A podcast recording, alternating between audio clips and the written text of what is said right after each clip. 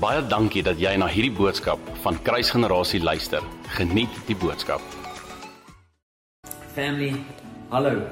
Dit is so lekker om elke een van julle te sien. Dankie dat julle live ingeskakel het. Dankie dat julle deel is van hierdie live Sondagdiens. Um ons is opgewonde want dit is amper Pinkstertyd. Ons is opgewonde want die oomblik wanneer ons Pinkster vier is die herdenking van die Heilige Gees wat uitgestort is in die bovertrek en ons weet en herinner onsself ook dat nie een van ons kan lewe sonder die Heilige Gees en sonder die Heilige Gees se krag nie en sonder dit wat die Heilige Gees vrygestel het op Pinksterdag nie. Volgende Sondag is letterlik Pinkster. En familie, ons het eintlik 'n baie interessante en 'n baie nice program vir elke een van julle. Sondagoggend bedien ons moderator die woord, um, Pastor Stafford Petersen, ons moderator, sorry. Hy bedien ons woord en um dit gaan baie lekker wees om hom op ons op ons familie te sien en hom toe te laat om om 'n woord te deel met elke een van ons. En dan ons sou vir Picard Hen by ons gehad het. Picard het beloof hy gaan nog steeds vir ons preke opneem en hierdie preke vir ons stuur. So vir Sondag aand, Maandag aand en Dinsdag aand gaan ons nog steeds uh, geleentheid gee vir Picard Hen om met ons woord te share en 'n gedagte te share en en dit wat Vader op sy hart geplaas het. So ons gaan nog steeds online um Pinkster vier en ons hoop dat jy regtig deel sal wees daarvan. Familie vandag wil ek gesels oor iets wat baie naby my hart is en dit is 'n uh, 'n praying church, 'n uh, 'n kerk wat besig is in gebed. Dis so belangrik vir ons om te weet dat God terugkom vir 'n kerk wat bid. Ek meen ons sien dit in die heel laaste boek van Openbaring 22 vers 17. The Spirit and the bride says come. The bride, die bruid, dit praat van die kerk. Dit is wie ons is. Die bruid roep uit, kom Here Jesus kom en dit beteken dat die bruid korporatief besig is om uit te roep na die Here toe. Korporatief besig is om die Here te herinner aan sy woord, te herinner aan sy beloftes, te herinner om ons te kom haal. Dis wat daai woord van God vir ons sê en dit beteken net die volgende dat die eindtyd kerk is 'n biddende kerk. Die eindtyd kerk is 'n kerk wat korporatief saamkom, wat korporatief saam die Here vertrou vir beloftes, wat korporatief saam die Here vertrou vir sy woord om in vervulling te kom en die Heilige Gees om uit te stort, soos wat hy beloof, want hy het gesê in die laaste dae sal hy sy Gees uitstort op elke persoon. Dit is wat die korporatiewe kerk is en ek is so besorgd hier binne in my hart dat die kerk besig is om om dit te mis. Ons ons kan nie saam by mekaar kom nie. Ons ons korporatiewe dienste is weg, ons korporatiewe worship is weg, ons korporatiewe gebed is weg en en kan ek vandag vir jou sê ons almal het 'n begeerte binne in ons hart om weer by die dienste te wees. Ons almal het 'n begeerte om weer saam te kan koffie, saam te kan worship, saam na preke te kan luister, saam te kan vertrou dat die Here amazing goeders doen. Ons het 'n begeerte daarvoor, maar God het 'n baie groter begeerte vir die kerk om saam te bid. Hy het gesê, "My house shall be called a house of prayer." En dit is so belangrik vir ons om te weet dat dit iets is waarna ons moet streef. Ek dink in die laaste tyd het um is hierdie die topik waaroor ek nog die meeste gepreek het in die laaste 3 jaar. Is daar nie 'n topik waaroor ek meer gepreek het as as gebed nie. En dit die Here, die Heilige Gees bring my net die hele tyd terug daarna toe want ons as 'n kerk is veronderstel om 'n biddende kerk te wees is en is veronderstel om die Here te herinner aan sy beloftes soos wat dit staan in Jesaja 62 vers 2 tot en met vers 7. Maar hoor gou hierdie hierdie gedeelte wat die Here vir my gegee het en ek wil julle Ek wil julle eintlik bemoedig daarmee want want hierdie is vir my 'n amazing belofte in die feit dat God ons gaan herstel en dat ons weer gaan kan kerk hou en dat ons weer bymekaar kan kom en dat ons wanneer ons bymekaar gaan kom dat ons gevul gaan wees met vreugde. Hoor hierdie geskrewe skrifgedeelte Jesaja 56 vers 11 in die New King James sê even them I will bring to my holy mountain. My holy mountain verwys na Sion. Sion is 'n plek waar konstante gebed en aanbidding opvaar na die Here toe vir wie hy is. Nie vir enige iets nie, nie omdat mense wil hê daar moet gesing word nie, nie omdat mense versoeke ingee dat hierdie liedjie en hierdie liedjie gesing moet word nie. Sion is 'n plek waar daar gefokus is in die teenwoordigheid van God net vir hom, net om te minister tot sy hart en vir hom te bid. Sê and I will bring them to my holy mountain. Hier's 'n belofte waar God in mense se harte gaan wakker maak, 'n hart van aanbidding, 'n hart van om by hom te kan wees and make them joyful in my house of prayer.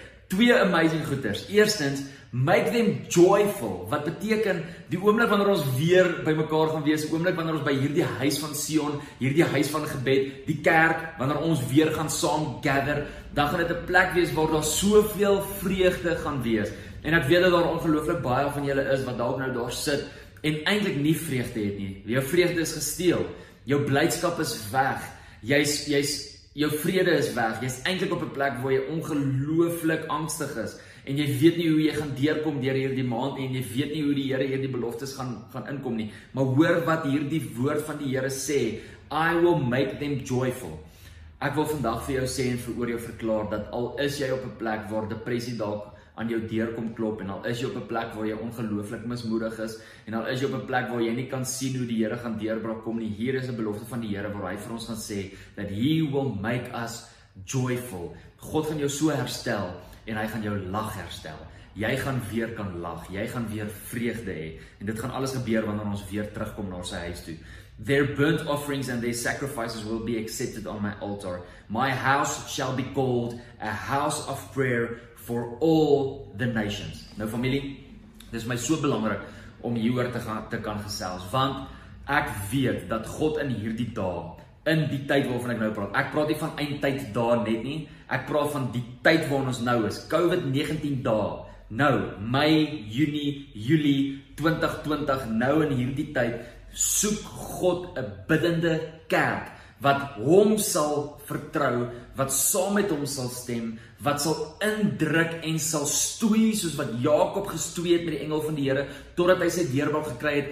Dit is waarna God agter is. Dit is wat waarna sy hart agter is. En dit is vir ons so belangrik om te weet dat God dit wil wil herstel. As 'n mens kyk na die kerk in in Handelinge, hoe die kerk begin het, dan sien 'n mens baie duidelik dat die kerk begin is op 'n fondasie van gebed. Julle sal onthou ek het al hier hieroor gepreek en dit so klein bietjie gemention, maar die vir die van julle wat dit nie gehoor het nie. Die hele gedeelte in Handelinge 1 waar Jesus na sy disippels toe kom en vir hulle sê gaan en gaan wag in die bovertrek vir hierdie gawe om uitgestort te word vir hierdie for the promise. Go and wait for the promise. En en die woord van die Here sê in Handelinge 1 vers 14 hoe hulle gewag het vir die belofte. Jy sien ons is baie keer op 'n plek waar ons ons wag op ons rocking chairs vir God se beloftes om vir in vervulling te kom. Maar dit is glad nie hoe die woord van die Here vir ons wys hoe ons moet wag nie. Hy uit vir Timoteus gesê, "Wage the good warfare by your prophecies." Daniel het die profesie gevat en gebed en gebid en gevas en en regtig die Here gesoek. Die vroeë kerk, die disippels, die apostels het God gesoek in gebed die oomblik wanneer daar beloftes uitgestort was, wanneer daar beloftes gegee was.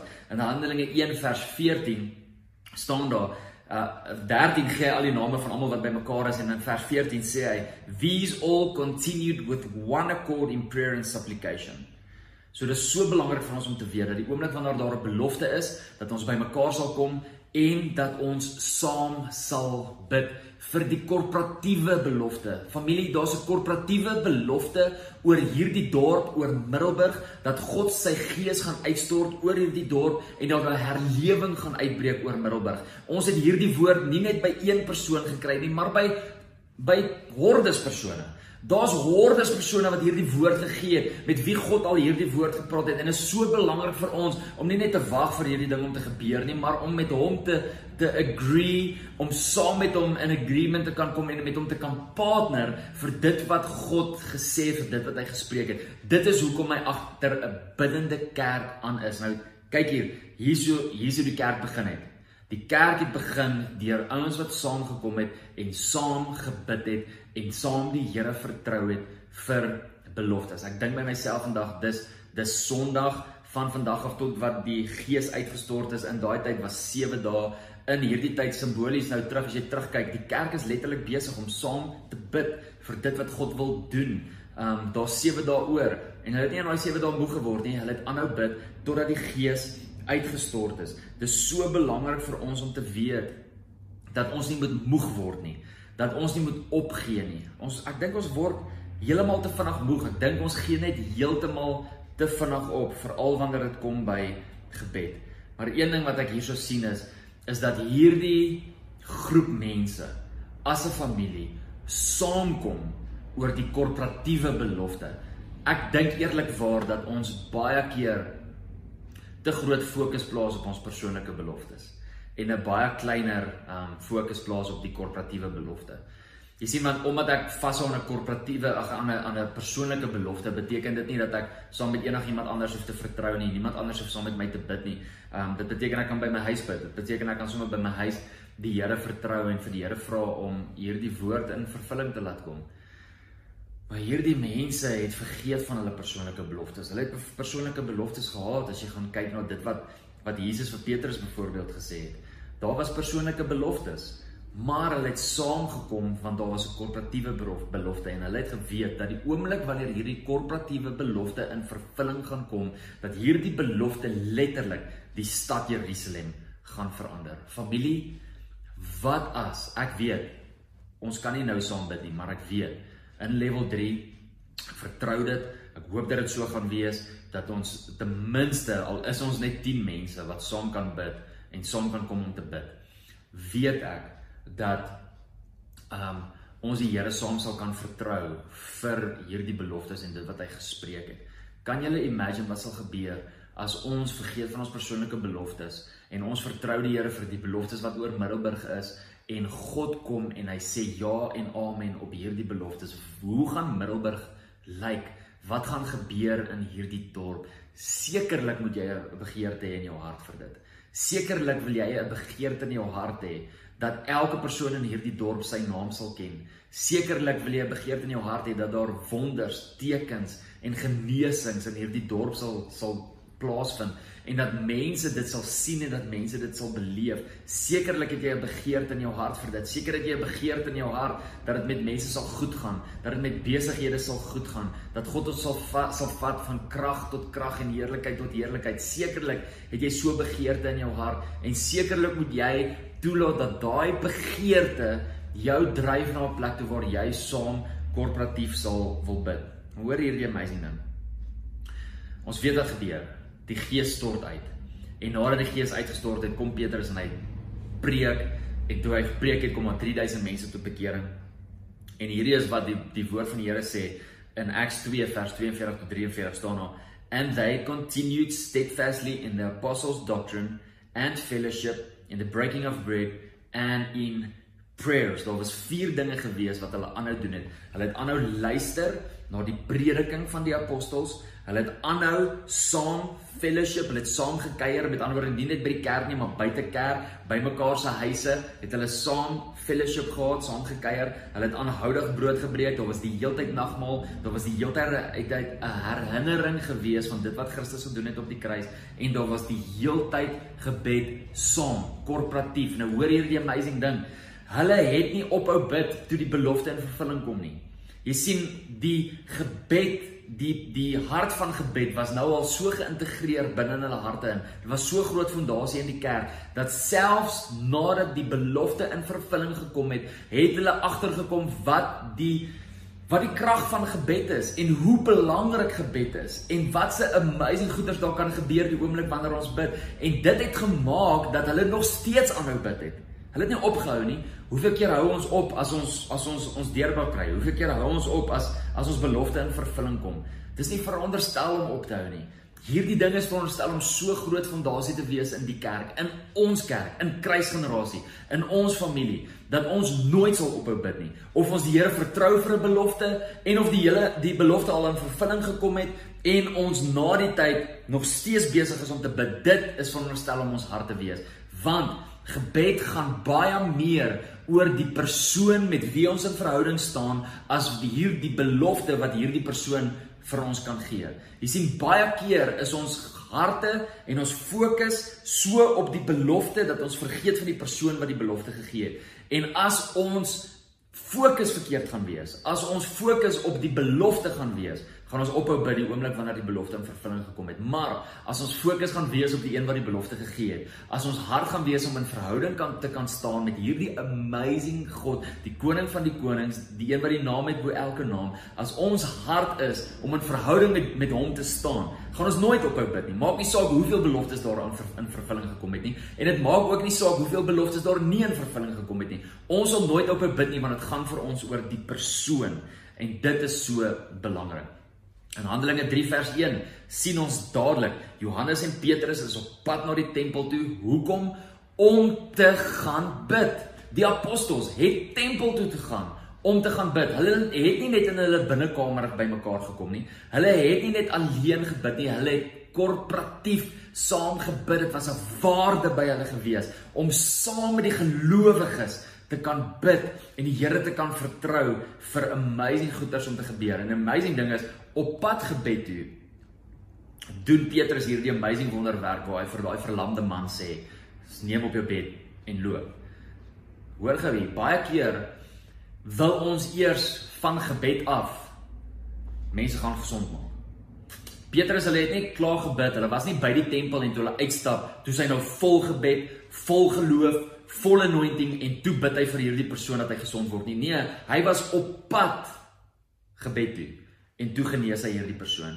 Die amazing ding van dit is die volgende dat ons die wonderwerke, die die onmoontlike, dit wat God deur ons kan doen is nie gesleutel in hoe baie ons by hom inkom in gebed nie. Dis gesleutel in ons identiteit by hom. Want jy sien die volgende is die oomblik wanneer ek 'n hart het om by die Here uit te kom en 'n hart het vir gebed, dan vind ek meer en meer uit wie ek is. I'm spending time with my maker and the more I spend time with my maker, the more I find out who I am. Die hoe meer vind ek uit wie ek is, wie is ek as Jan? En hoe meer ek uitvind wie ek is, hoe sterker word my identiteit. En dan kom ek agter dat alles wat ek doen, my vrug my my my dade, die besluite wat ek neem, my gehoorsaamheid aan God, dit alles vloei uit my identiteit uit, nooit uit my werke uit nie. Dis 'n belangrike aspek wat ons veronderstel is om te verstaan. Maar familie, ek wil ek wil hê ons moet gou stil staan by Handelinge 12. In Handelinge 12 lees ons 'n amazing gedeelte. Profeet Andrei Bronkhorst het het ook oor hierdie gedeelte gesels um, in die week. En terwyl ek terwyl ek weer daai gedeelte revisit en gaan kyk na daai gedeelte, praat die Here net weer met my rondom wat daar aangaan en wat daar gebeur. Jy sien want dit is vir ons so belangrik om te weet dat korporatiewe gebed amazing krag dra en dat korporatiewe gebed sekere deure oopmaak en selfs die supernatural uitstuur, die supernatural laat gebeur. Julle sal nou sien wat ek wat ek sê. Um In Handelinge 12 sien ons dat Herodes kom en dat hy Jakobus, Johannes se boetie doodmaak en dat die hele kerk eintlik in vrees is. En ons sien dat Herodes sien dat hierdie die Jode baie bly gemaak het toe hy die Christene vervolg en toe vang hulle vir Petrus. En toe hulle vir Petrus vang, staan daar in Handelinge 12 vers 5 die volgende: Peter was therefore kept in prison, but constant prayer was offered to God for him by the church. Met ander woorde, Petrus is binne in die tronk Maar die kerk is nie op 'n plek waar hulle opgee nie. Hulle hou aan bid vir Petrus. Hulle vertrou die Here dat hy sal ingryp. Hulle vertrou die Here dat Petrus nie doodgemaak sal word nie. Die kerk is besig saam om te bid. En as ons gaan aanlees dan sal jy sien dat hierdie kerk by mekaar gekom het om te bid vir Petrus. Hulle was nie by hulle huise gewees nie. Ek verstaan as ons in lockdown, hoor my hart, die lockdown gaan nie vir ewig wees nie. Ek wil hê ons moet nou al in hierdie lockdown tyd het ons die amazing voorreg om ons fondasie van gebed reg te kry sodat wanneer lockdown besig is om te lig en ons getalle weer kan herstel en ons weer saam kan kom dat daar 'n hart sal wees by elkeen van ons familielede om saam te kan bid en saam die Here te kan vertrou. Dit is so belangrik want hierdie kerk kom by mekaar, hulle kom by mekaar en bid saam vir Petrus, nie by hulle huise nie, by mekaar. Hoor gou, hoor gou wat gebeur. OK. In vers in vers uh Kom ons lees vers 6. And when Herod was about to bring him out that night, Peter was sleeping bound with two chains between two soldiers and the guards before the door were keeping the prison. Vers 7. Now behold, an angel of the Lord stood by him and the light shone in the prison. Nou dit is so amazing dat die kerk se gebede gemaak het dat engele gestuur is.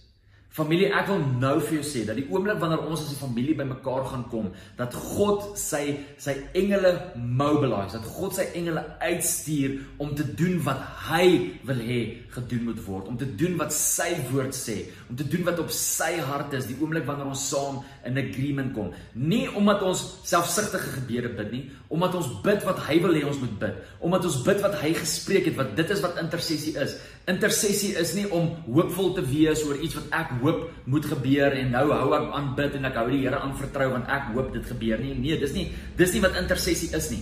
Intersessie is agreement met dit wat God klaar gespreek het. Met ander woorde, wanneer ons in intersessie kom, wanneer ons as 'n as 'n kerk korporatief saam bid en ons bid en ons vertrou die Here vir dit wat hy reeds gesê het. Die woord van God sê mos dat sy woord nooit sal leeg terugkeer nie. Ons het die reg om dit te bid. Ons het die reg om dit te verklaar. Ons het die reg om hom te herinner daarvan. Dis wat Jesaja 62 vir ons sê.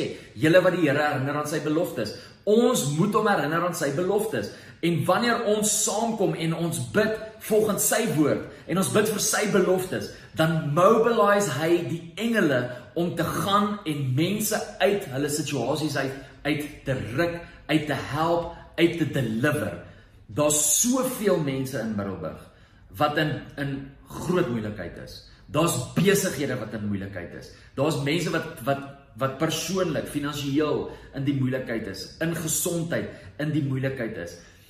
Wat sal gebeur wanneer ons as 'n kerk bymekaar kom en ons herinner die Here aan dit wat hy gespreek het en aan sy woord en aan sy beloftes? Imagine hoe die engele uitgestuur word en hierdie mense red uit uit hulle omstandighede uit en hierdie mense red uit hulle tronke uit. Petrus is hier binne in 'n tronk en ek wil vandag vir jou sê daar's baie mense, selfs mense wat hierna kyk wat emosioneel in 'n tronk is wat dalk geestelik in 'n tronk is, wat dalk fisies in 'n tronk is rondom hulle liggame wat nie deurbraak kry nie. Daar's soveel simboliek rondom hierdie tronk en ek weet dat die oomblik wanneer ons saamkom en die Here vertrou en saam bid en saam vertrou, stuur hy sy engele om die mense te red uit hierdie tronke uit. Familie, dit is wat ons moet doen. Dit is waarvoor God ons roep. Dit is wie ons is as 'n kruisgenerasie, 'n huis van gebed. 'n plek waar wagters op die mure staan, 'n plek waar ons gedurig deur God herinner aan sy beloftes. Dit is wie kruisgenerasie is. Niks anders nie, want dit is wie Jesus wil hê ons moet wees. Hy is die hoof, hy is die hoof van ons as kerk en hy roep ons om vir ons te sê wat hy van ons verwag en wat hy wil hê ons moet wees. Dit is ons rol binne in die liggaam van Middelburg. Ander kerke het ander rolle. Ons rol is gebed, Ons rol is aanbidding. Ons rol is om te minister tot sy hart. Ons rol is om seker te maak dat die tabernakel van Dawid herstel word en dat ons dit nie sal mis nie. 'n Bietjie asem kry. Ek raak opgewonde. Die Here se woord is so amazing. En is so amazing om hom te soek in aanbidding en hom te soek in gebed en om te weet dat die oomblik wanneer ons besig is met gebed en die oomblik wanneer ons besig is met aanbidding Psalm 22 vers 3 ek dink is dit vers 3 sê God is enthroned in the praises of his people. Dit beteken dat die oomblik wanneer ons besig is om te sing dan enthrone ons hom. Ons plaas hom op die troon. Die woord van die Here sê baie duidelik we are enthroning him. Met ander woorde as ons hom op die troon plaas haal ons wat ook al op die troon is af en ons sit hom daar. Met ander woorde, wat 'n principality, wat 'n power, wat 'n mag, wat 'n duisternis ook al heers oor 'n sekere area. Die oomblik wanneer ons in gebed kom, die oomblik wanneer ons in worship kom, haal ons daai ding af van sy magsposisie af en ons plaas God op die troon en ons sê Here, U is nou in beheer van huwelike. U is nou in beheer van besighede. U is nou in beheer van die skole. U is nou in beheer van die nuwe generasie wat opkom. U is nou in beheer van die kerke. Niks anders nie, niks gees nie, geen ander principality nie, net U. Dis is hoe kragtig die tabernakel van Dawid is. Dit is hoekom dit so belangrik vir is vir ons om te bid. Nou hoor hierdie hierdie gedeelte.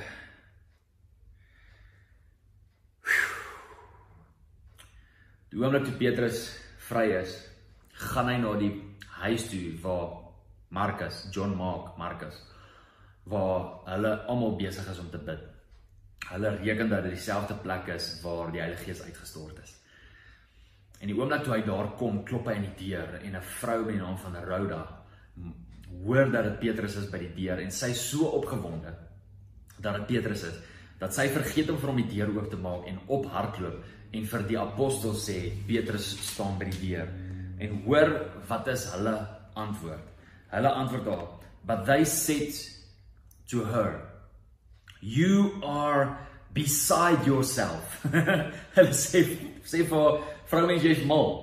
Petrus is binne in 'n tronk. Hy staan nie nou by die deur nie. You are beside yourself.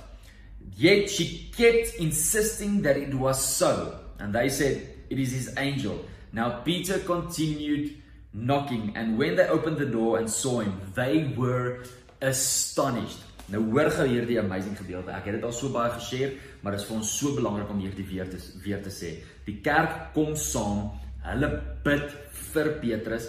Hulle gebede maak dat God 'n engel stuur om hom te red uit sy omstandighede uit. Petrus kom na hulle toe um, om vir hulle te sê, "Hey, ek is vrygemaak as gevolg van hulle gebede." Maar die oomblik toe Petrus daar is, glo hulle nie dat dit Petrus is nie. Nou hoor gou hier. Dit is seker nie geloof nie. Hoor my mooi. As 'n mens as mens geloof het vir 'n saak, dan verwag 'n mens dat 'n ding so sal wees. Kom ek gee jou 'n voorbeeld. As ek geloof het dat ehm um, ek bid vir jou vir 'n kopseer, as ek geloof het in in die feit dat God jou gaan genees vir jou kopseer, dan is ek nie verbaas as jou kopseer weg is nie. Ek het mos geloof gehad vir dit. Dit is wat moet gebeur. Ek is eerder verbaas as dit nie gebeur het nie want my geloof plaas 'n hoop in dit waarvoor ons vertrou. Hier is die kerk. Hulle bid vir Petrus. Hulle het nie geloof nie want geloof sou Petrus by die deur verwag het. Maar steeds bid hulle saam. Hoor gou hier.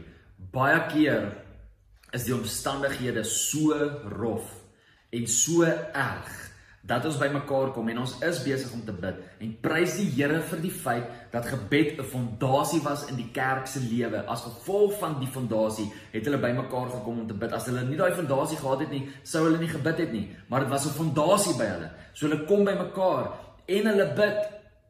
Maar hulle het nie geloof dat Petrus by die deur gaan staan nie. Hulle het dalk iets anders verwag of hulle het nie gedink dat die Here so vinnig gaan gaan deurkom nie. Geloof sou Petrus by die deur verwag het. So wat het hier gebeur? 'n Amazing gedeelte in Matteus 18 vers 19. Jesus kom en Jesus sê self: "Waar twee of meer saamstem oor 'n ding, so sal dit wees." Kom ek lees vir jou in die New King James. Again I say to you that if two of you, net twee, agree on earth concerning anything that they ask, it will be done for them by my Father in heaven. Daar's 'n verskil tussen 'n gelowige gebed, 'n gebed vol van geloof en 'n gebed met agreement. Wanneer ek op 'n plek is waar ek geloof het en ek bid, dan verwag ek dat daar 'n antwoord gaan wees. Maar hier is die krag van agreement. Die krag van agreement het nie noodwendig geloof nodig nie, maar het agreement nodig. Hierdie kerk het saam gestem, daar was agreement geweest en as gevolg van die agreement is daar 'n daar's 'n beginsel Die beginsel wat Christus gespreek het in Matteus 18 vers 19. En hierdie beginsel het gemaak dat hulle deurbraak gekry het. The power of agreeing with one another. Dit is hoekom wanneer ons bid, ons saamstem. Ons sê yes Here, amen Here. Ons stem saam Here. Dis hoekom dit so belangrik is om saam te stem wanneer ander mense besig is om te bid, want dit maak dat daar iets gebeur binne in die gees gebed, the power of agreement, hierdie beginsel van Matteus 18 vers 19 het gemaak dat daar deurbraak gekom het vir Petrus. Familie, dit is so belangrik vir ons om saam te kom en saam te bid, selfs al het ons nie die geloof nie. Selfs al al dink ons nie dat daar iets gaan gebeur nie, om nog steeds te bid, om ons eerder onsself te herinner aan hoe faithful God is en hoe waar hy is en aan hoe groot en almagtig hy is en dat hy die God is van die onmoontlike en dat ek daarin sal bid en sal agree daarmee want the power of agreement maak deure oop waar geloof nie daar is nie baie keer bid ons in geloof en dan is daar en dan is daar deurbraak. Maar kom ons wees eerlik, baie keer is omstandighede so groot dat ek nie geloof het in hierdie stadium nie. Maar omdat ek saamstem en omdat ek staan saamstem en staan op God se woord, is daar nog steeds krag. Dit is amazing en dit is hoekom dit nodig is vir 'n kerk en ons as 'n kerk om saam te kan bid. So in hierdie week gaan ek 'n geleentheid hê waar ons 'n Zoom, ek gaan 'n webinar host. Ehm um, en dit gaan 'n intersessie webinar wees. Ek gaan so bietjie meer inligting gee oor intersessie. Ons sal alles op ons page sit vir elke een van julle wat wil deel wees. Dis ook vir enigiemand. Daar kan ongelukkig net al 100 mense op Zoom ons join en wanneer ons saam op Zoom wees, ek sal julle nog laat weet wat se aand gaan ek 'n webinar gee oor wat intersessie is en praktiese gedeeltes oor waaroor ons saam kan bid en hoe ons saam kan bid en hoe intersessie werk. So kyk asseblief uit daarna. En dan is ons hoopvol in hierdie week, is ons hoopvol dat die president 'n uh, announcement gaan maak dat ons in na level 3 toe gaan gaan van die 1 Junie af. En die oomblik wanneer ons na level 3 toe gaan, hoop ons en bid ons dat daar restrictions gaan gelig word op die kerk en dat ons bymekaar kan kom. Al is dit net 10, al kan ons net weer in ons live groups bymekaar kom, sal dit net so amazing wees dat ons saam kan gather en saam die Here kan begin vertrou vir amazing goed en saam die Here kan herinner aan sy beloftes because this church kruisgenerasie we will be a praying church Hierdie kerk sal 'n plek wees wat ons sal noem 'n huis van gebed. Die tabernakel van Dawid sal gevestig wees binne in kruisgenerasie want dit is wat Jesus wil hê en hy is die hoof van hierdie kerk. Kom ek bid vir ons. Vader, in die naam van Jesus, Heilige Gees, ek bid dat hierdie woord iets sal wakker maak binne elke persoon wat hierna kyk en hierna luister. Awaken a heart of prayer in our hearts in the name of Jesus. Vader, maak wakker 'n korporatiewe honger, maak wakker dat ons as 'n kerk korporatief sal saamkom om U korporatief saam te vertrou vir U beloftes en vir U woord. Vader, mag U kom en in elke persoon wat hierna kyk en hierna luister, daai vlam, daai vuur sal wakker maak in hulle harte om te bid en om te stoei soos wat Jakob gestoei het totdat die deurbraak kom. Awaken in Holy Spirit. Ek bid Vader vir elke persoon. Elke persoon wat dalk in 'n tronk is. Elke persoon wat dalk voel hierdie omstandighede is te groot. Here, dankie dat U U engele stuur om te red. Dankie dat U U engele stuur om te deliver. Dankie dat U U engele stuur om deurbraak te bring. En ek verklaar nou oor elke persoon wat hierna luister, deurbraak as gevolg van wie u is, deurbraak as gevolg van u woord, deurbraak as gevolg van u beloftes in die naam van Jesus. Here, release dit. En mag ons as kruisgenerasie die oomblik wanneer mense van ons praat, mag hulle sê, "Wow, dit is die kerk wat bid." Maak dit wakker by ons, Here, in Jesus naam. Amen en amen. Familie, bid, bid en bid. Laat my dink aan Harold, toe Harold hier sou was. Julle moet bid. Onthou dit. Ons is veronderstel om te bid. Dankie dat julle hierna geluister het. Ons is ongelooflik lief vir julle en ek weet ook dat ons regtig vir julle bid. Hoopelik hierdie week gaan die dinge begin draai. Ons vertrou daarvoor. Kyk uit na ons Pinksterdienste wat hierdie Sondag kom. Dit gaan amazing wees. Bless julle. Baie dankie dat jy na hierdie podcast geluister het. Indien jy die boodskap geniet het, deel hom asseblief met jou vriende.